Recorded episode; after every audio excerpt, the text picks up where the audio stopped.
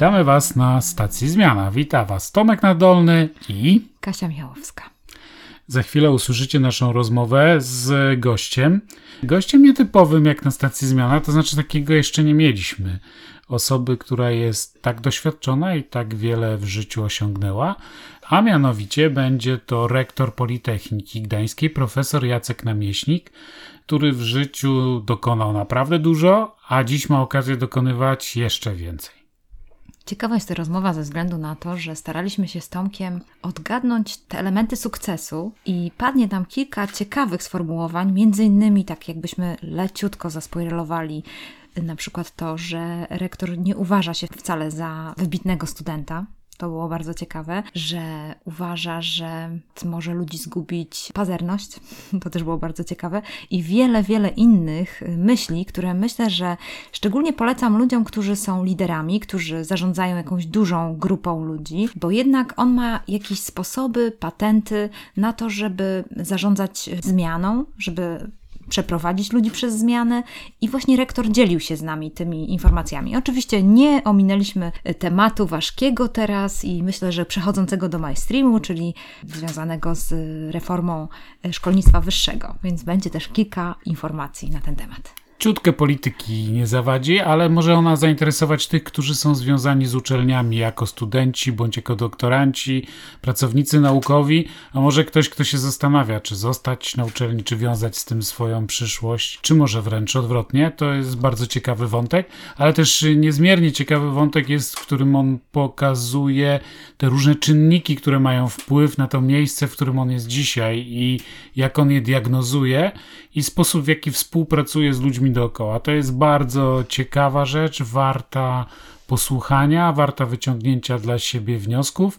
No, nietypowa, nietypowy gość, bo zupełnie nie nasze pokolenie, zupełnie nie, nie nasze nawyki i tak dalej, ale posłuchajcie, bo bardzo ciekawy i w ogóle życie, jakie prowadzi, jest też bardzo takie solidne, o solidnych podstawach, ale jednocześnie no, przedziwne.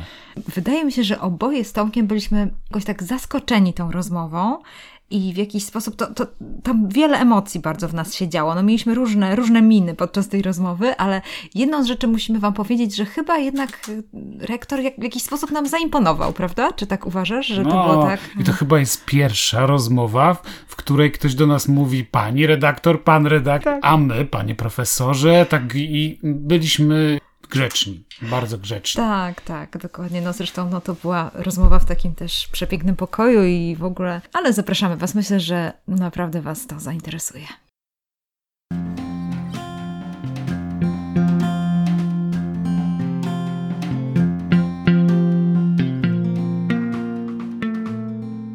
Dzień dobry. Witamy na stacji Zmiana. Jest to podcast o tym, że coś się kończy, a coś się zaczyna, ale na pewno się zmienia. Witam Was Katarzyna Michałowska. Tomasz Nadolny i dzisiaj mamy bardzo szacownego gościa. Jacek Namieśnik. Chcę od razu naszych słuchaczy wprowadzić w klimat, w którym się znajdujemy. Otóż siedzimy przy pięknym stole, na przepięknych krzesłach w gabinecie pana rektora. Panie rektorze, Jedną z pierwszych rzeczy to od razu takie pytanie, że mieliśmy w pierwotnej wersji umówione spotkanie na godzinę siódmą. Chciałam się zapytać, jak pan rektor sobie układa dzień? Bo już słyszeliśmy z plotek w Gdańsku takie krążą, że pan rektor bardzo szybko wstaje. Tak, no ja wstaję codziennie o godzinie 3.00. O godzinie 4.25 najpóźniej wsiadam w samochód albo w taksówkę. Jestem na Politechnice w moim, w mojej katedrze za 15 piąta, no i od tego czasu pracuję. Na początku pracuję sam, o, o 5.40 przychodzi moja sekretarka, ponieważ no, musi zacząć już wtedy odpowiadać na korespondencję, ponieważ ja tylko mam swoje własne background, na komputerze piszę bardzo słabo. Od jutra mam nowy komputer, który przekształca pismo ręczne w pismo drukowane. Do godziny 7.30 jestem w katedrze, wtedy także przychodzą studenci, dyplomanci. O siódmej się zaczynają egzaminy dyplomowe, jeśli potrzeba, zaczynają się seminaria, a jak nie, no to od siódmej do, czy o siódmej trzydzieści przychodzę do, tutaj do rektoratu, ponieważ no, nie chcę nikogo tutaj straszyć, że wszyscy muszą przychodzić wcześniej do pracy, także ja nikomu nie chcę narzucać rytmu pracy, natomiast chcę, żeby wszyscy pracowali w takich godzinach, jak im to odpowiada. Ja, ja nie lubię pracować długo, w noc, Jestem typowym skowronkiem, a nie sową, w związku z tym staję się śpiący i leniwy bardzo wcześnie po południu, jeżeli nie jeżdżę na rowerze, czyli najpóźniej o 8, o 8.30 jestem już w łóżku i w związku z tym jestem zawsze wyspany i pełen energii rano jak wstaję i wsiadam, pierwszą rzecz jaką robię, to wsiadam na stacjonarny rower, żeby się całkowicie obudzić. Tak, tak wyglądają wszystkie moje dni, oprócz weekendu, bo wtedy jeszcze dochodzi sauna. A jak wygląda wtedy taka, jeżeli pan rektor jest na jakiejś konferencji i trwają późne obrady do godziny po ósmej, ta rady? To, to, to nie są obrady, tylko to są spotkania towarzyskie. Staram się, uni, staram się uni, ich unikać albo szybko stamtąd wychodzę, no ponieważ wtedy idę do siebie, do pokoju czy do hotelu, ponieważ muszę szybko odpowiedzieć na pocztę, żeby, żeby nie mieć żadnych zaległości, bo ja nie lubię mieć żadnych zaległości, czyli na nie, braku odpowiedzi na, na listy, które są w komputerze, w związku z tym wszystko musi być załatwione i wtedy żyję w błogości, że kontroluję wszystko. Rozkład dnia to mi na, przywodzi na myśl raczej trapistów, którzy chyba wstają 3.15, ale y, oni z kolei bardzo lubią taki osiadły tryb życia, a pan rektor to lubi zmiany, czy tak? No znaczy, kiedy, kiedy, teraz już nie, nie lubię tych zmian, czyli mało jeżdżę. Byłem ostatnio w sobotę, w piątek, w sobotę w Salzburgu, ale tak tam się już mało jeździ, oprócz tych krajowych wyjazdów, ale to też jak najmniej. Ale były lata, że jeździ, jeździłem bardzo często, czyli na przykład tak przez ostatnie 10 lat przed objęciem funkcji rektora wsiadałem przeciętnie 60 razy do samolotu, czyli tyle, tyle podróży miałem. Jeżeli to międzynarodowe, no to 4, 4 wejścia do samolotu, no to jedna podróż, bo jest gdzieś przesiadką. No ale to i tak daje jedne, dwie podróże w skali miesiąca. No tak, to mało osiadły tryb życia. Także zwiedziłem cały świat. Czyli teraz już rozumiem, bo kiedy się zastanawiałam nad tą rozmową, to myślę sobie, właściwie y, pan rektor od początku tutaj jest dom, w sensie takim, że skończył pan Politechnikę Gdańską, następnie objął katedrę, później był dziekanem, teraz jest rektorem. Ale byłem także studentem i byłem nie, na początku całkiem złym studentem. Także... Złym studentem? No, tak, jak to tak, możliwe? Tak, no, no jak możliwe? No, miałem, nie. nie byłem przystosowany Miałem, mam w indeksie dwójki, mam poprawki, no to, to ludzka rzecz. Ale czy w terminie? Tak, tak właśnie, teraz jesteśmy zadziwieni, ale jak, y, czy jakieś były poza terminem zdane egzaminy? No, no były, były, były, tak, no. były jakieś, y, no przejścia różne miałem. Mhm. Zostałem złapany na ściąganiu też. No proszę bardzo, to teraz jesteśmy zadziwieni, bo myśleliśmy, że nie, nie. rektor to jest taki bez skazy, a nie, proszę bardzo, tak to wygląda. Co wydaje się być w tej taką najbardziej dominującą różnicą? Gdyby ktoś myślał dopiero o tym, żeby ją wybrać, albo się zastanawia, czy w niej wytrwać, czy ją zmienić, no bo ona ma swoje mankamenty, jak również i zalety. To czym najbardziej się różni od tego, od ścieżki, którą wybrali na przykład pozostali członkowie rodziny, a nie są naukowcami? Podstawowa i w zasadzie jedyna różnica to jest to, że no nie można przestać o tym myśleć. Czyli to nie jest typowe 7 to 15 job, Czyli o tym, jeżeli się pracuje w, w badaniach naukowych, no to i chce się coś osiągnąć, to nie można o tym nigdy przestać myśleć. Każda wolna chwila jest poświęcona temu, czyli nie, nie można powiedzieć, że jadę na urlop i w związku zamykam się całkowicie. Tego się nie da zrobić. To się, tego się nie da zrobić. Zawsze po jakimś, ja już po pięciu dniach jestem gdzieś na urlopie, to już jestem zmęczony tym, że, że gdybym nie, nic nie robił. Ja muszę coś zrobić. To, czyli nieprzypadkowe są te różne anegdoty o naukowcach, którym przychodziły najlepsze pomysły czy idee do głowy w takich momentach typu na przykład wypoczynek w wannie. Tak, choć ja nie lubię, żeby w stosunku do mnie stosować, mówić naukowiec. Ja raczej wolę mówić pracownik naukowy, bo naukowiec to jest takie wielkie słowo. To są, to są ludzie, którzy zmienili bieg rzeczy w świecie. No ja do takich nie należę. Mam jakieś osiągnięcia, ale pracuję na niwie nauki i w związku z tym wolę, jak się mówi o mnie, pracownik naukowy. Jeżeli chodzi o tego pracownika naukowego, wiadomo, życie jest skomplikowane. Pan rektor musi nie tylko y, pogodzić życie naukowe z życiem rodzinnym, z, z jakimiś obowiązkami. Czy pan rektor ma jakiś kompas? Kompas takim, który się kieruje w życiu, w pracy, ogólnie wartości, które są ważne? Najważniejsze to chyba jest to, żeby mieć właściwą samoocenę. Myśleć krytycznie zawsze o sobie, o swoich y, pracach, o swoich dokonaniach, żeby dobrze zdawać sobie sprawę z własnych wad, to jest kluczowa rzecz. No i druga, żeby przy ocenach żeby przykładać taką samą miarkę do siebie, jak i do innych. Jeżeli się jest krytycznym w stosunku do innych, to trzeba być bardzo krytycznym do siebie. No jeżeli się ocenia kogoś bardzo dobrze, to siebie zazwyczaj trzeba troszkę mniej oceniać. Mniej, mniej dobrze. I to, jest, to, to, to jest najważniejsze, żeby nie było tego rozdźwięku, że mamy dwie miarki. Teoria jednej miarki. To jest adekwatna, ale z odrobiną pokoru. Tak, tak, tak, tak, że, że trzeba naprawdę zawsze na to wszystko, co, co widać na zewnątrz, czy co inni mówią o danym osobniku, żeby wiedzieć, że, że dobrze, chwalą, ale rzeczywistość jest trochę inna. Podoba mi się, bo to jest taka teoria chemika, teoria jednej miarki. Kiedyś, kiedy rozmawialiśmy, panie profesorze, to pan profesor powiedział, że chyba to będzie jedna kadencja, jeżeli chodzi o bycie rektorem. Właściwie tak się zastanawiałam, czego panu będzie najbardziej brakowało. Czytałam też deklarację, że jednak Politechnika to dom, tyle lat tutaj spędzonych. W każdym razie, czego będzie brakowało czy, czy pan rektor się zastanawiał nad tym? Zastanawiam się cały czas. Jedna kadencja, zakładam, że to będzie jedna kadencja i przy takim postanowieniu łatwiej jest działać, bo wtedy nie ma się z tyłu głowy myśli, co inni powiedzą, jak ja wyrażę jakąś opinię, bo taka jest moja opinia. Jeżeli nie liczę na to, że ktoś będzie mnie wybierał, nie, nie, będę, nie będę się poddawał ocenie gremium, a mogę wielu osobom nastąpić na odciski czy na stopy.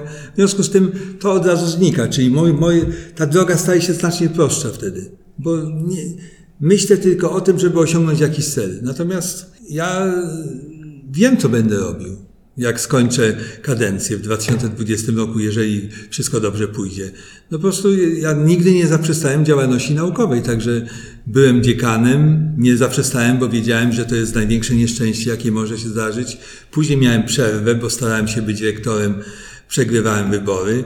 W końcu jestem rektorem, nadal prowadzę działalność, bo, bo jeszcze jest czas after, po. Mam nadzieję, że równo z upływem kadencji nie zejdę z tego świata. W związku z tym, w związku z tym trzeba o czymś myśleć. Czyli ja mam dużo planów jeszcze w zakresie publikacyjnym, może jakieś książki, także nie mogę zmienić trybu życia, bo gwałtowna zmiana trybu życia może spowodować, że, że wzmogą się jakieś objawy jednostek chorobowych, albo organizm nie wytrzyma, bo gwałtowna zmiana naprężeń natężenia pracy spowoduje, że, że popadnie się w choroby, więc tego trzeba unikać. Jedyną, jedynym lekarstwem na to jest ciągła praca i wysiłek. Bardzo mi się podoba takie podejście do bycia liderem, żeby nie podobać się innym, żeby starać się patrzeć tu i teraz i realizować te swoje zadania, więc wydaje mi się, że to może być taki wniosek też dla, nas, dla naszych słuchaczy, że jednak bycie to doświadczonym daje wolność. daje wolność, tak? I myślę, że często nasi politycy zapominają o tym, żeby w taki sposób patrzeć na służbę innym, więc y, to jest bardzo, bardzo mądre. A ja chciałem się zapytać, bo skoro jesteśmy gdzieś mniej więcej na półmetku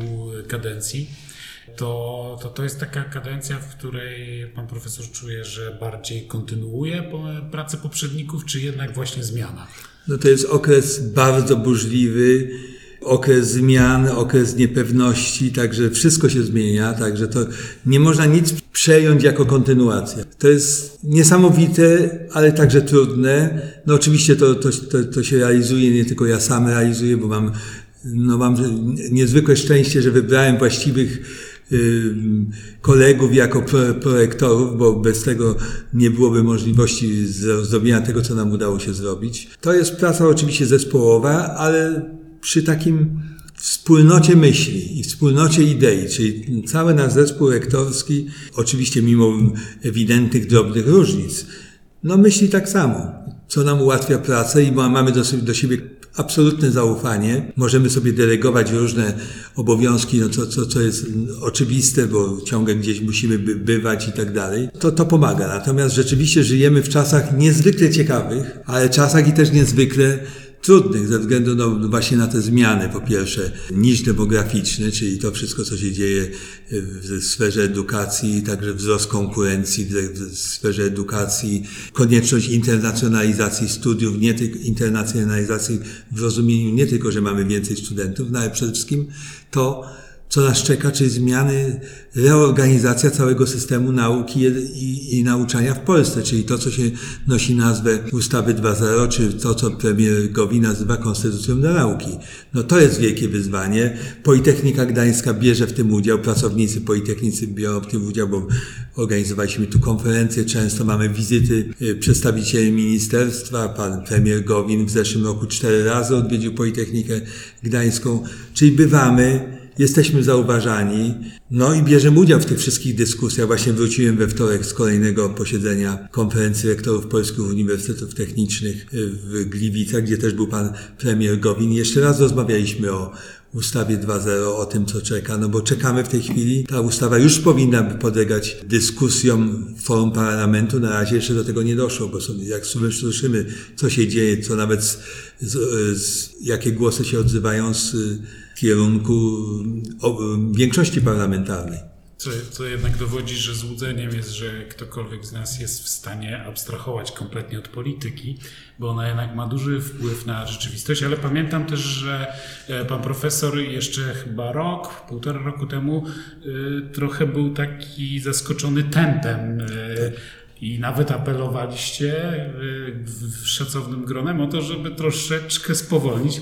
E, dzisiaj widzę, że teraz z kolei to nagle stanęło i właściwie nie... Te, panie rektorze, tempo, doty, y, nasze wątpliwości co do tempa dotyczyły innej sprawy, Aha. a mianowicie wprowadzenia algorytmu podziału dotacji podstawowej, że to było z dnia na dzień w zasadzie bez przygotowania naraz podano nam, że musimy zmienić system ilościowy na jakościowy i na dodatek jeszcze podano nam drakoński współczynnik student staff ratio, czyli wskaźnik dostępności nauczycieli akademickich na, na wysokość 13 a tutaj do, do jeszcze dzień czy dwa dni wcześniej mówiono kształćcie więcej, więcej, więcej.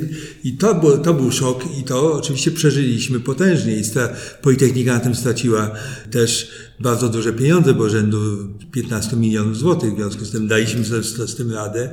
No ale to już mamy za sobą. Już tak, tak gwałtownych zmian nie będzie, już będą bardziej powolne. Natomiast jeśli chodzi o ustawy, to ten sposób wprowadzania ustawy, prezentowania ustawy, dyskusji, dochodzenia do konsensusu, gdzie na początku były całkowicie odrębne opinie przedstawicieli ministerstwa, jak i przedstawicieli świata akademickiego, czyli wszystkich rektorów uniwersytetów i politechnik i doszliśmy do porozumienia. Oczywiście jest wiele rzeczy jeszcze niewiadomych, bo jak zwykle diabeł tkwi w szczegółach i ustawa też wszystkiego nie, nie ustali, ale uważamy wszyscy, że to jest jedyny kierunek dobry, jedyny kierunek, że ta ustawa powinna wejść, bo ona jest potrzebna jak woda i powietrze. Czyli czym powinna być w takim razie wyższa uczelnia, tak dla, dla nas wszystkich w społeczeństwie? Czym, ona, czym jest istotą jej wypuszczanie odpowiednio wykwalifikowanych ludzi, czy jednak trochę no, to jest... Jak, zwykle uczelnia musi kształcić ludzi, a jak kształci ludzi, no to ta musi prowadzić badania, bo nie można być tylko od kształcenia, bo jeżeli to będą tylko od kształcenia, to znaczy to będą robili ludzie, którzy nie mają własnych sukcesów, czy nie są związani z badaniami naukowymi. A jak można przekazać najnowszą wiedzę bez, bez uczestniczenia w procesie badawczym. To będzie tylko wiedza książkowa. Wiedza książkowa to jest zawsze opóźniona, a świat idzie bardzo do przodu.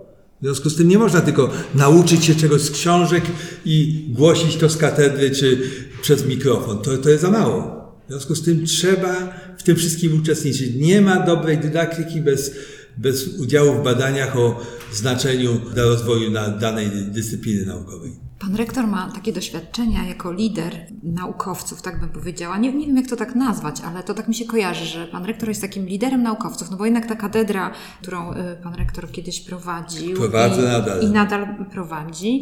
Y, I kiedy pamiętam, że jeszcze jak byłam na studiach, to pamiętam, że wśród studentów było takie powiedzenie, że jednak chemia na UG jest lepsza, a jednak tutaj teraz już y, tego się nie kwestionuje, że jednak naprawdę chemia bardzo się rozwinęła i tutaj nawet nie ma o czym mówić bo też i zasoby, i y, tak jak wygląda. Teraz ostatnio właśnie y, chodziliśmy sobie po Wydziale Chemii razem z Trójmiasto Tweetup, podziwialiśmy też te inwestycje to, no, i wiem też o wielu pracach naukowych i rozwoju. I teraz jak to jako pan rektor bierze te swoje doświadczenia i chce przełożyć na y, obszar całej Politechniki, myśląc o tym, że trzeba mieć jakieś, jakieś pomysły. Wiadomo, że to jest tylko na jakimś małym, na, na jakimś mniejszym, bym powiedziała, obiekcie, no, o, obiekcie i teraz na, na to większe. Czy, czy są jeszcze jakieś, oprócz tego właśnie, że te badania naukowe są ważne, czy jeszcze pan rektor ma jakieś takie, takie jakieś swoje y, myśli, jakieś takie punkty, które trzeba zrealizować, żeby Politechnikę Gdańską postawić na wyższym poziomie,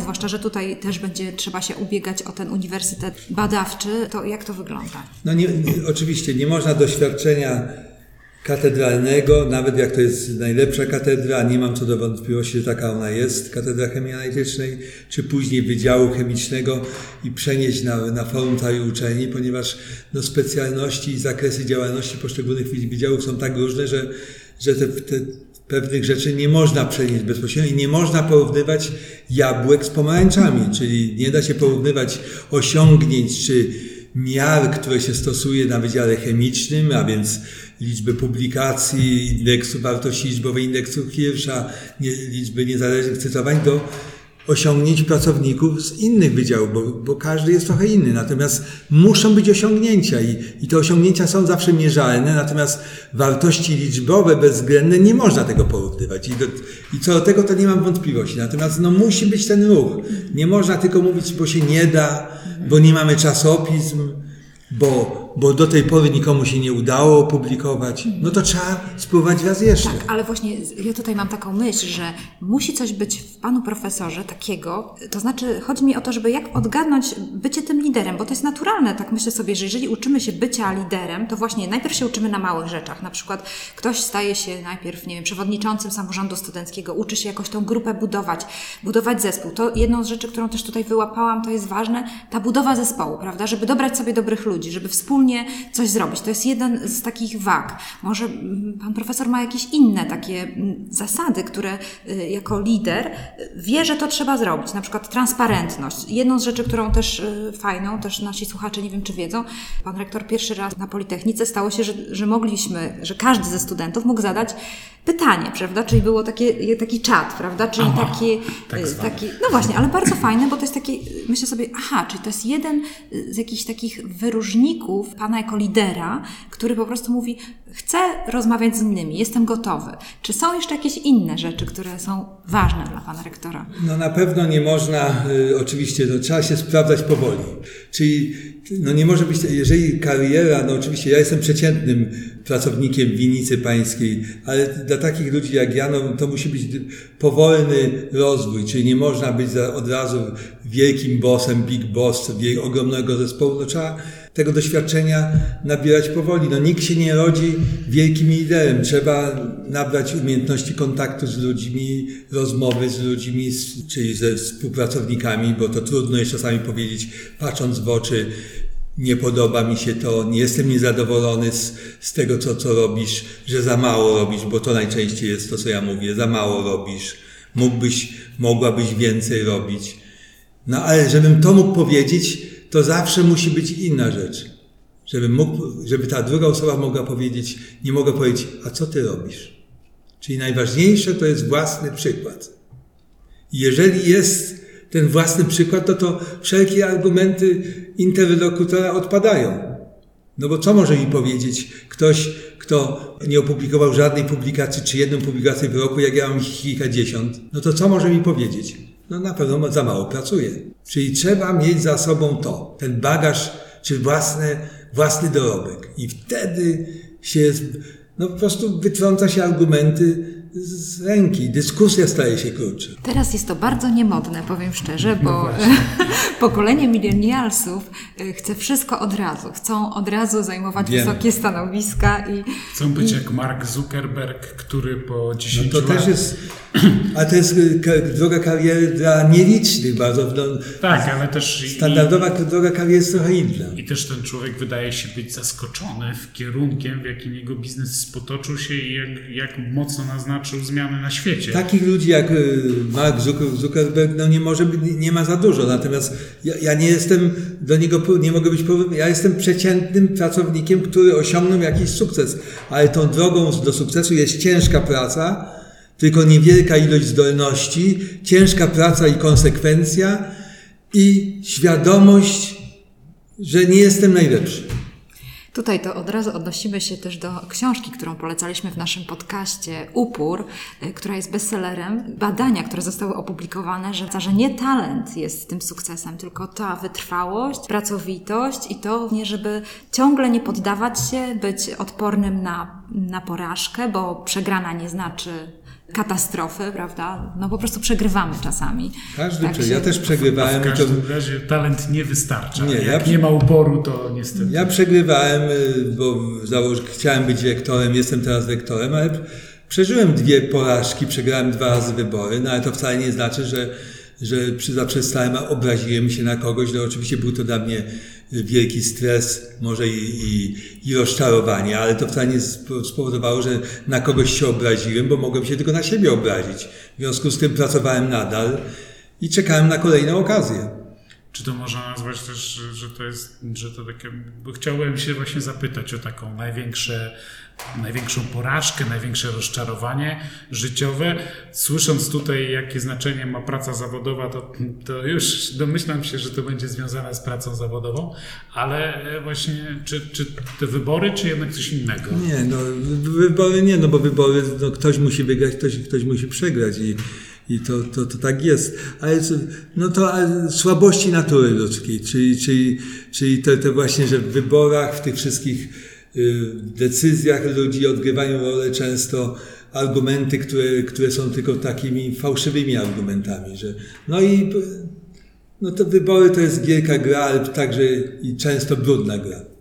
I to, to także był, ta, także te, te, ten brud Czyli można to, odnieść że ludzie są tylko ludźmi, Tak. to jednak najbardziej tak, rozczarowuje. tak, czasami. tak, tak. I, I te wybory na Politechnice Gdańskiej, tak jak wszędzie, no, nie są pozbawione, nie są czy, oznaką najwyższej czystości, a też się tam brud do nich przyczepił. Ja nie, nie potrafię ominąć takiego pytania, czy w, tym, w tej zajętości, w tym y, takim poświęceniu się nauce, kochaniu Politechniki, czy pan profesor czuje, że jednak tak rodzinnie, dobrze wszystko, w sensie takim, że czy udaje się też zintegrować tą dziedzinę rodziny? Jak to No wychodzi? ja mam, mam rodzinę, mam dwie, wnu, dwie córki, dwie wnuka i wnuczkę. No i oczywiście no jest to jeden z, z, z nie zajmuję się codziennie rodziną, tak na co dzień, no bo ale bywam w domu, no jestem w domu też. Natomiast trzeba mieć tę to, tą stronę rodzinną spokojną i taką ustabilizowaną, żeby, żeby nie myśleć o jakichś zawirowaniach z tym związanych. To na pewno jest niezwykle potrzebne, żeby móc się poświęcić temu wszystkiemu, co tutaj, co, co, co się robi na Politechnice, co się robi tutaj w środowisku akademickim, no to trzeba rzeczywiście mieć stabilność uczuciową, tak bym to nazwał. Czyli stabilność rodzinną. To wspiera. Tak, no to jest, to jest niezwykle potrzebne, bo inaczej człowiek się no, ciągle miota od, od, od spraw służbowych do spraw prywatnych i, i, i w końcu z, te, z, tego, z tej takiej nadaktywności nic nie wynika. No widzicie, to jest taki, taki mamy znak czasów, że ta dziedzina też jest takim wyzwaniem teraz dla naszego, dla, dla ludzi, ogólnie naszych czasów, młodzieży. To są trudne dziedziny, bo widać to, te konsekwencje. No bo tu jest też pan profesor kapitanem takiego dość dużego statku i on obszarowo jest duży, ale też tutaj tysiące ludzi, to jest ogromny Tak. zakład pracy. To było No dla i- mnie, największym zaskoczeniem to było dla mnie. I, I też to, że jednak jest się pracodawcą, a z drugiej strony spędzają tutaj studenci jakiś kawałek życia i doktoranci jeszcze dłuższy kawałek życia, który jest y, zlokalizowany na jakimś tam obszarze, w jakimś zespole ludzkim. I pewnie to widać, że niektórzy ludzie to te kłopoty różne, które często sami generują w życiu prywatnym, rodzinnym, no, że one jednak mocno odciskają piętno na to, że stoją w miejscu, nie wiem, nie są w stanie osiągnąć sukcesów i tak dalej, bo, bo nie mają zintegrowanych tych części. Tak, wiem, chyba to, zwłaszcza, zwłaszcza w takim dużym zespole, to chyba widać. No ja oczywiście z- pracując cztery, ponad 45 lat na Politechnice, no to mam takie poczucie, że znam Politechnikę. Nie tylko Wydział Chemiczny, ale całą Politechnikę i wszystkich pracowników, nauczycieli w odpowiednim wieku znam lepiej czy gorzej. Natomiast no, dla mnie tym największym takim szokiem było w momencie, jakby wy- wy- wygrałem wybory, to była świadomość, że jestem odpowiedzialny za prawie 3000 pracowników w tym 1300 nauczycieli i reszta pozostałe grupy pracownicze. To jest ogromna odpowiedzialność, że, bo się czuję za nich odpowiedzialny. I to nie tylko, nie można w związku z tym podejmować jakichś takich działań, które antagonizują, które powodują, że ktoś się czuje niedoceniony, bo wszyscy są tutaj potrzebni, od pani sprzątającej aż do profesora czy rektora, bo y, ogólny sukces zależy od, od cząstkowych, y, dobrej pracy tych wszystkich ludzi. No i to jest niezwykłe wyzwanie. No ja też podszedłem do tego trochę inaczej niż chyba do tej pory podchodzili wszyscy, że ja spotkałem się ze wszystkimi pracownikami, jak wygrałem wybory, chodziłem od działu do działu. Nie, że spotkałem się ze wszystkimi razem, bo to byłoby niemożliwe. I spotykałem się ze wszystkimi poszczególnymi grupami. Po kolei to, to było ponad 50 spotkań. Teraz spotykam się też raz do roku z poszczególnymi grupami pracowników w auli czy w innej sali, pracownikami obsługi, administracji, bo oni są wszyscy potrzebni. Tego nikt nigdy nie robił, ja to, to robię. Ciekawego takiego. Rozmawiam także z paniami sprzątającymi bardzo często. Ciekawego momentu dotykamy, bo to oznacza, że pan profesor daje tą ważną rzecz, którą daje praca zawodowa, zwłaszcza na etacie, pewien poziom poczucia bezpieczeństwa. I pewnie tego oczekują od, y, od takiego kapitana, oczekują, że to dostaną, ale jakby każda organizacja i również y, kadencje, wybory to są też zmiany. I te zmiany często w ludziach powodują pewien dyskomfort, niepokój. Jakbym mógł poprosić o takie pedagogiczne, nauczycielskie, takie dydaktyka, rady, jak się zabrać, zabierać za zmiany, które mogą, no zmiany zawsze powodują w nas pewne niepokoje, lęki. Jedni większe, drudzy mniejsze przeżywają, ale no bez zmian nie ma, nie ma życia, tak? To, to musi się, wciąż coś się musi zmieniać. To jak ma profesor, ma jakąś receptę taką? Tak, jest jeden klucz do tego. O. Jeden klucz, informacja. Czyli nie ma nigdy nadmiaru informacji.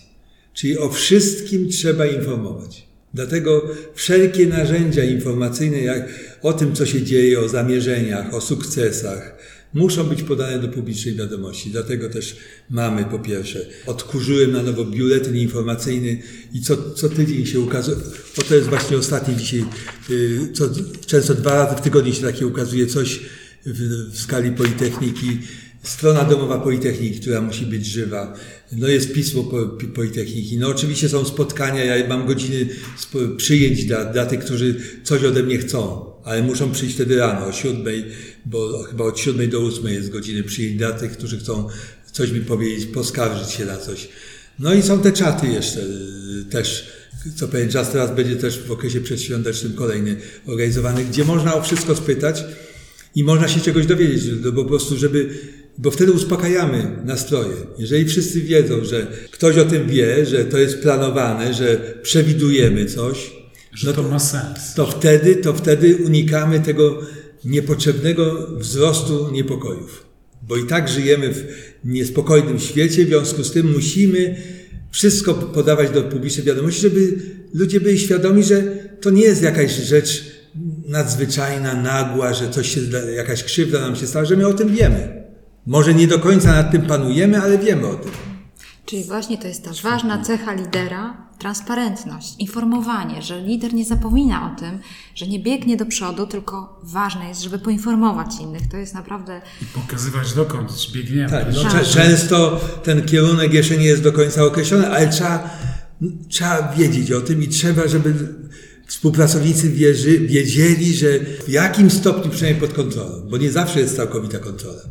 No tak, ale że stoją za tym jakieś przynajmniej racjonalne tak. przesłanki tak. i że te przesłanki są wyartykułowane, tak. to rzeczywiście e, w procesie zmiany bardzo dużo pomaga ludziom tą zmianę oswoić, zaakceptować i uznać też, że częściowo oni są, jej, tak. że oni są jej częścią. No jeżeli będą informowani o wszystkim, jeżeli mówimy, że takie nasze zamierzenia są, że to i rola tej grupy jest taka, w tym tamtej grupy w tym jest taka, no to wtedy oni się też czują spokojniej, a na dodatek jeszcze w pewnym sensie zaczynają traktować te działania jako własne działania. Super, czyli informacja. Informacja, tak, informacja nigdy tak, za dużo informacji nigdy to, jest, informacji, to jest tak, tak. lekarstwo, znaczy to może jest e, sposób na dobrą zmianę, czyli taką, która rzeczywiście nas prowadzi ku lepszemu, e, lepszej przyszłości. Bardzo fajne. A jakieś tak już pod koniec, jeśli mogę zapytać, jakieś jeszcze największe marzenie? No marze, marzenie, marzenie oczywiście, że Politechnika po pierwsze została w przyszłości uniwersytetem badawczym, no a w najbliższych rankingach, żeby w tych Fundacji Perspektyw, żebyśmy byli w pierwszej piątce akademickich szkół polskich, bo na razie jesteśmy na dziesiątym miejscu. No mamy podstawy ku temu, żeby myśleć, że ta pierwsza piątka to byłoby to i żebyśmy na zawsze, by, żebyśmy na stałe w tej pierwszej piątce byli. Czyli sztafeta jest wytyczona. No i żebyśmy się znaleźli oczywiście w takich rankingach jak ranking szanghajski i tak dalej, no bo to jest konsekwencja tego. A jak pan profesor podchodzi do rankingów? No one, no one są i, i musimy w nich być. I nie ma się, możemy się na nie denerwować, możemy się y, obrażać, że są źle skonstruowane, a nie można się, a nie można w nich nie uczestniczyć, czyli trzeba jak ktoś o nas pyta, nas pyta o to, żeby dostarczyć jakiś zbiór danych do rankingu, musimy to z pokorą i bez wahania zrobić, bo, bo nie ma innego wyjścia. Nie możemy zamykać oczy na to, że, że, że, że one są. I, I nie możemy później powiedzieć, bo my żeśmy nie wysłali materiałów, to na nas nie ma w rankingu, bo to będzie śmieszne. Tym bardziej, że w tym procesie internacjonalizacji no, jednak e, tak. to. Patrzy się. Tak, no nie, nie, sposób znać 1500 uczelni na całym świecie, więc trzeba się posługiwać jakimiś, jakimiś danymi. Nikt nam w to nie uwierzy, że nas nie ma w rankingu, dlatego że nie wysłaliśmy danych. Tylko nie, nie ma nas, bo jesteśmy słabi. Zastanawiam się jeszcze nad tym, żeby na chwilkę wrócić chociaż trochę do tej ustawy 2.0, ze względu na to, że nasi słuchacze będą prawdopodobnie zaraz uczestniczyli w takiej mainstreamowej dyskusji, która się pojawi, ze względu na to, że prawdopodobnie ustawa y, wejdzie do Sejmu i tutaj różne polityczne naciski i tak dalej. Ja bym chciała zapytać, zanim się zacznie ten szum, zanim się zacznie ta burza i różne też newsy nas zaczną tutaj y, bombardować, o czym nie możemy zapomnieć w tej dyskusji? Co jest ważne? Co jest kluczowe, na co powinniśmy zwrócić uwagę, co, co mogłoby być takim kompasem, co wytycza patrzenie na tą ustawę i na szkolnictwo wyższe. Musimy myśleć tak, że nasze szkolnictwo, nasza nauka nie może być, nie, mieć przy, przymiotnika Polska.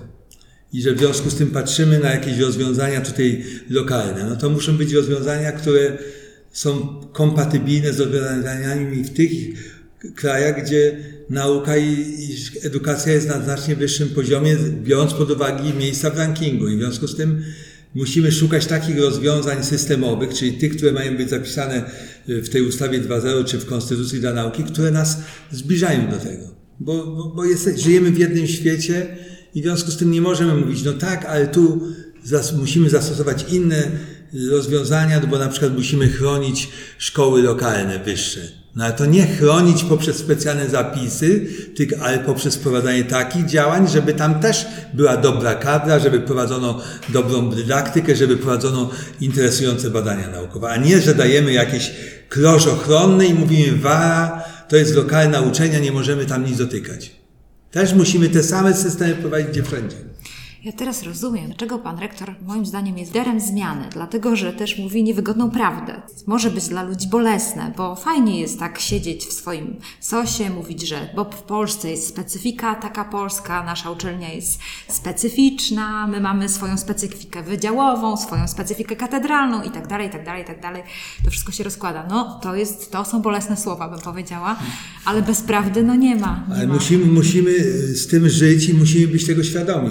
Po prostu prostu istniejemy na międzynarodowym rynku, mówimy o internacjonalizacji, no to kto do nas przyjedzie, kto przyjedzie do takiej lokalnej uczelni pod kloszem, gdzie ona nie będzie miała żadnego połączenia z, z, ze światem zewnętrznym.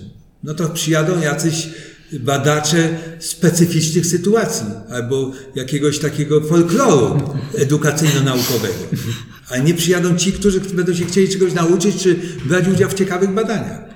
A kiedy dyskutowaliśmy wczoraj, akurat na, u mnie na Facebooku była dyskusja na temat rankingu, który został opublikowany uczelni wyższych na świecie i między innymi osoby, które są no, zawodowo związane, doktoranci albo już po doktoratach, e, głównie mężczyźni dyskutowali na temat tego, co jest problemem Polski Całe szczęście wszyscy byli zgodni, że jest problem i chyba tutaj wszyscy widzą, że coś trzeba zmienić, ale który model bardziej według pana profesora, ten anglosaski czy ten bardziej skandynawski? Bo on widać, że ten skandynawski ciągnie jednak w górę w tych rankingach. No ale to, to mo- można mówić o różnych systemach, bo jeszcze mówię, no, no właśnie, czy to anglosaski, czy skandynawski, ale to nasz, te, te, te propozycje w ustawie 2.0 to jest jakaś hybryda tych dwóch systemów, także, także to, to, to trudno powiedzieć, Czyli bierze jest. co najlepsze Tak, i co się no, dało nawet właśnie, no, oczywiście nie wszystko pewno się da wprowadzić. Jak już mówiłem, zapisy ustawowe swoje, do tej pory też były za różne ustawy, ale ludzie są ułomni. To przecież to profesorowie sami zniszczyli ten system edukacji. Poprzez drugie etaty, drugie, trzecie, czwarte, piąte etaty, poprzez coraz, poprzez obniżanie we własnych środowiskach wymogów do, w stosunku do doktoratów, habilitacji. Toż my to sami zrobiliśmy.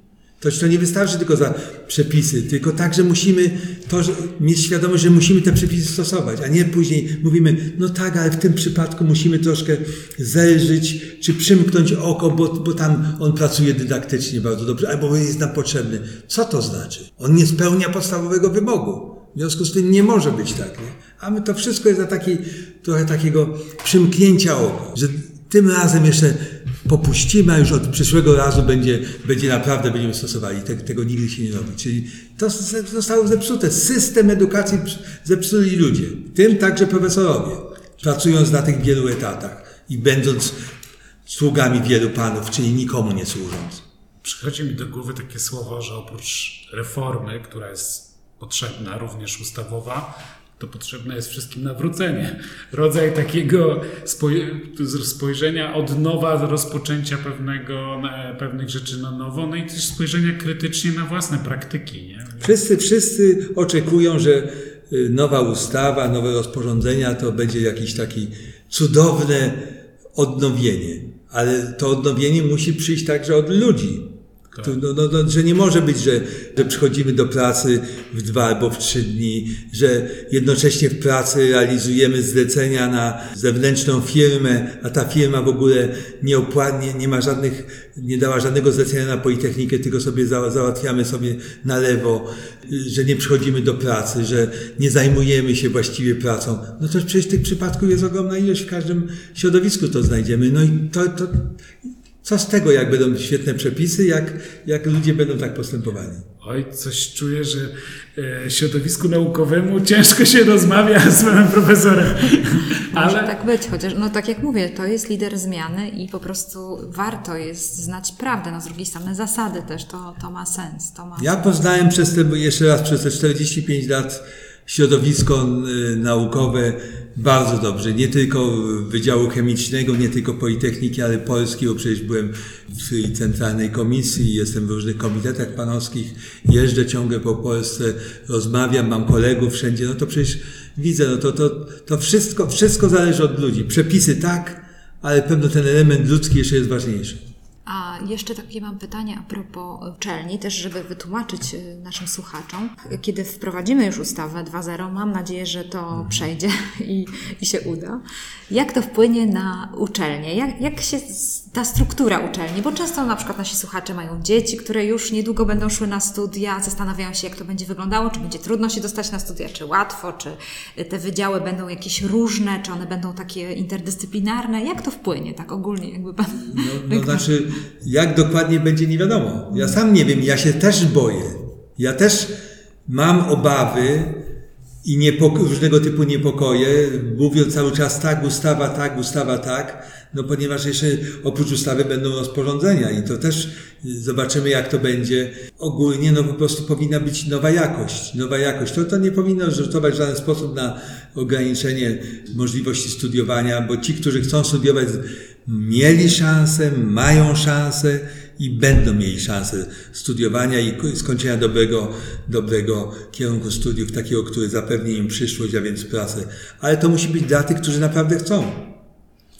Ale już Na to- dla tych pewnie, którzy by chcieli swoje życie zawodowe związać jednak z nauką, to trochę, No trochę to- się zmienił realnie. Y, No to zmienią się, jeżeli będą chcieli pracować i poddadzą się tym rygorom, czyli wyjazdom zagranicznym, stażom zagranicznym, to wtedy nie. A w tej chwili co od- od- odczuwamy w tej chwili? Największą bolączką uczelni polskich to jest to, że nikt nie chce wyjeżdżać na staże. Mamy tyle możliwości, a mało kto chce jeździć, bo to rzeczywistość skrzeczy, a to dziecko, a to żona w ciąży, a to ktoś w rodzinie chory, w związku z tym na później.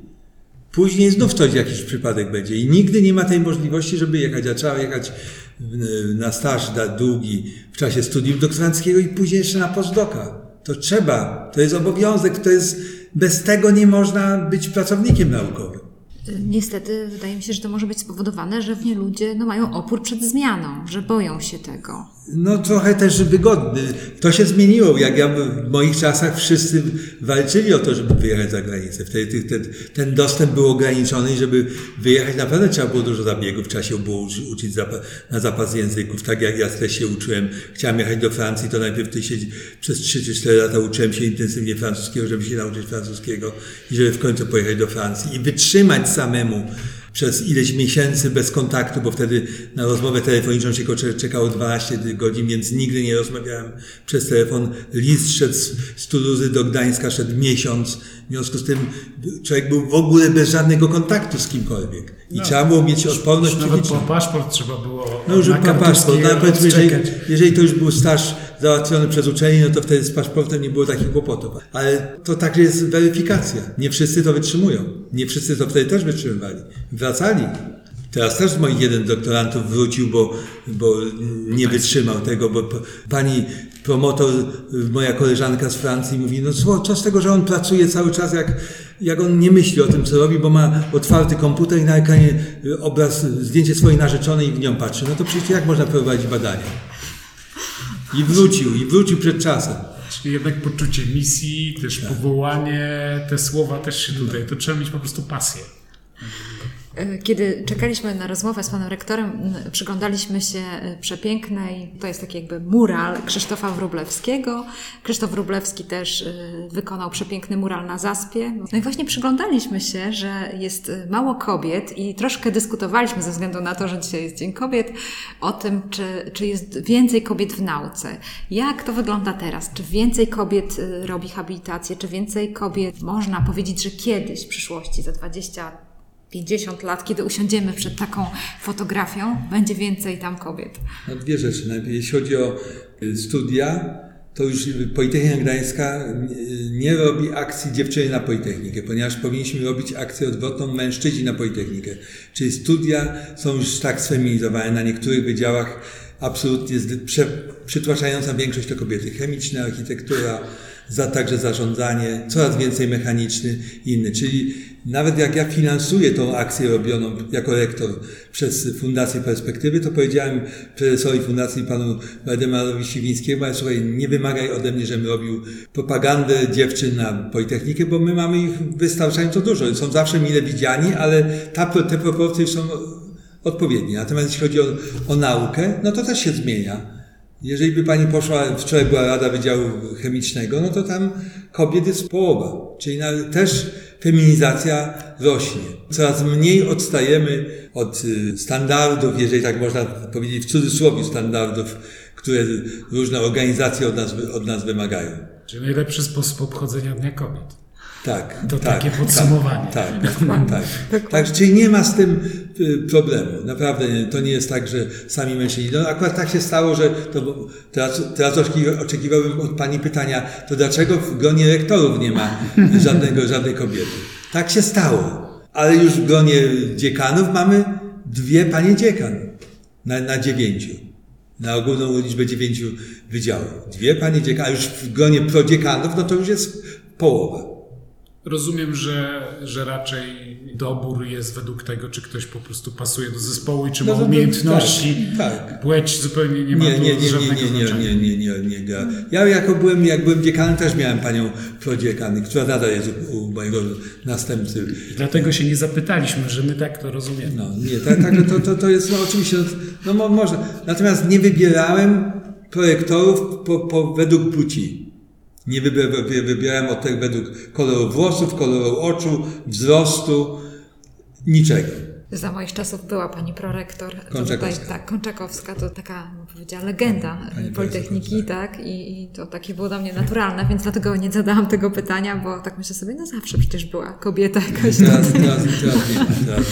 Nie, no, dziękujemy bardzo, panie rektorze, za spotkanie, za kilka ważnych myśli, które tutaj padły i zachęcam naszych słuchaczy do przemyślenia, myśląc o doświadczeniu, o tym, jak bardzo świat się zmienia, o tym, że chcemy tak wszystko szybko i, i już, i myślimy, że, że trafi nam się ten y, taki wspaniały kąsek. Warto żyć marzeniami, ale nie warto żyć złudzeniami, tak bym powiedziała, że, że Nie warto być łapczywym. I nie warto być łapczywym. To prawda, to też jest, to jest ważne. Czy może pan rektor jeszcze ma jakąś myśl na koniec tej rozmowy? Czy... Nie, no ja już jestem... y, Nie warto być Wszystko- łapczywym, to bardzo piękna myśl. Taka puenta. Już, już pani redaktor wszystko z, z mojego mózgu wyekstrahowała. Dziękujemy bardzo za rozmowę i Proszę do bardzo. usłyszenia. Dziękuję. Dziękuję. Dziękuję.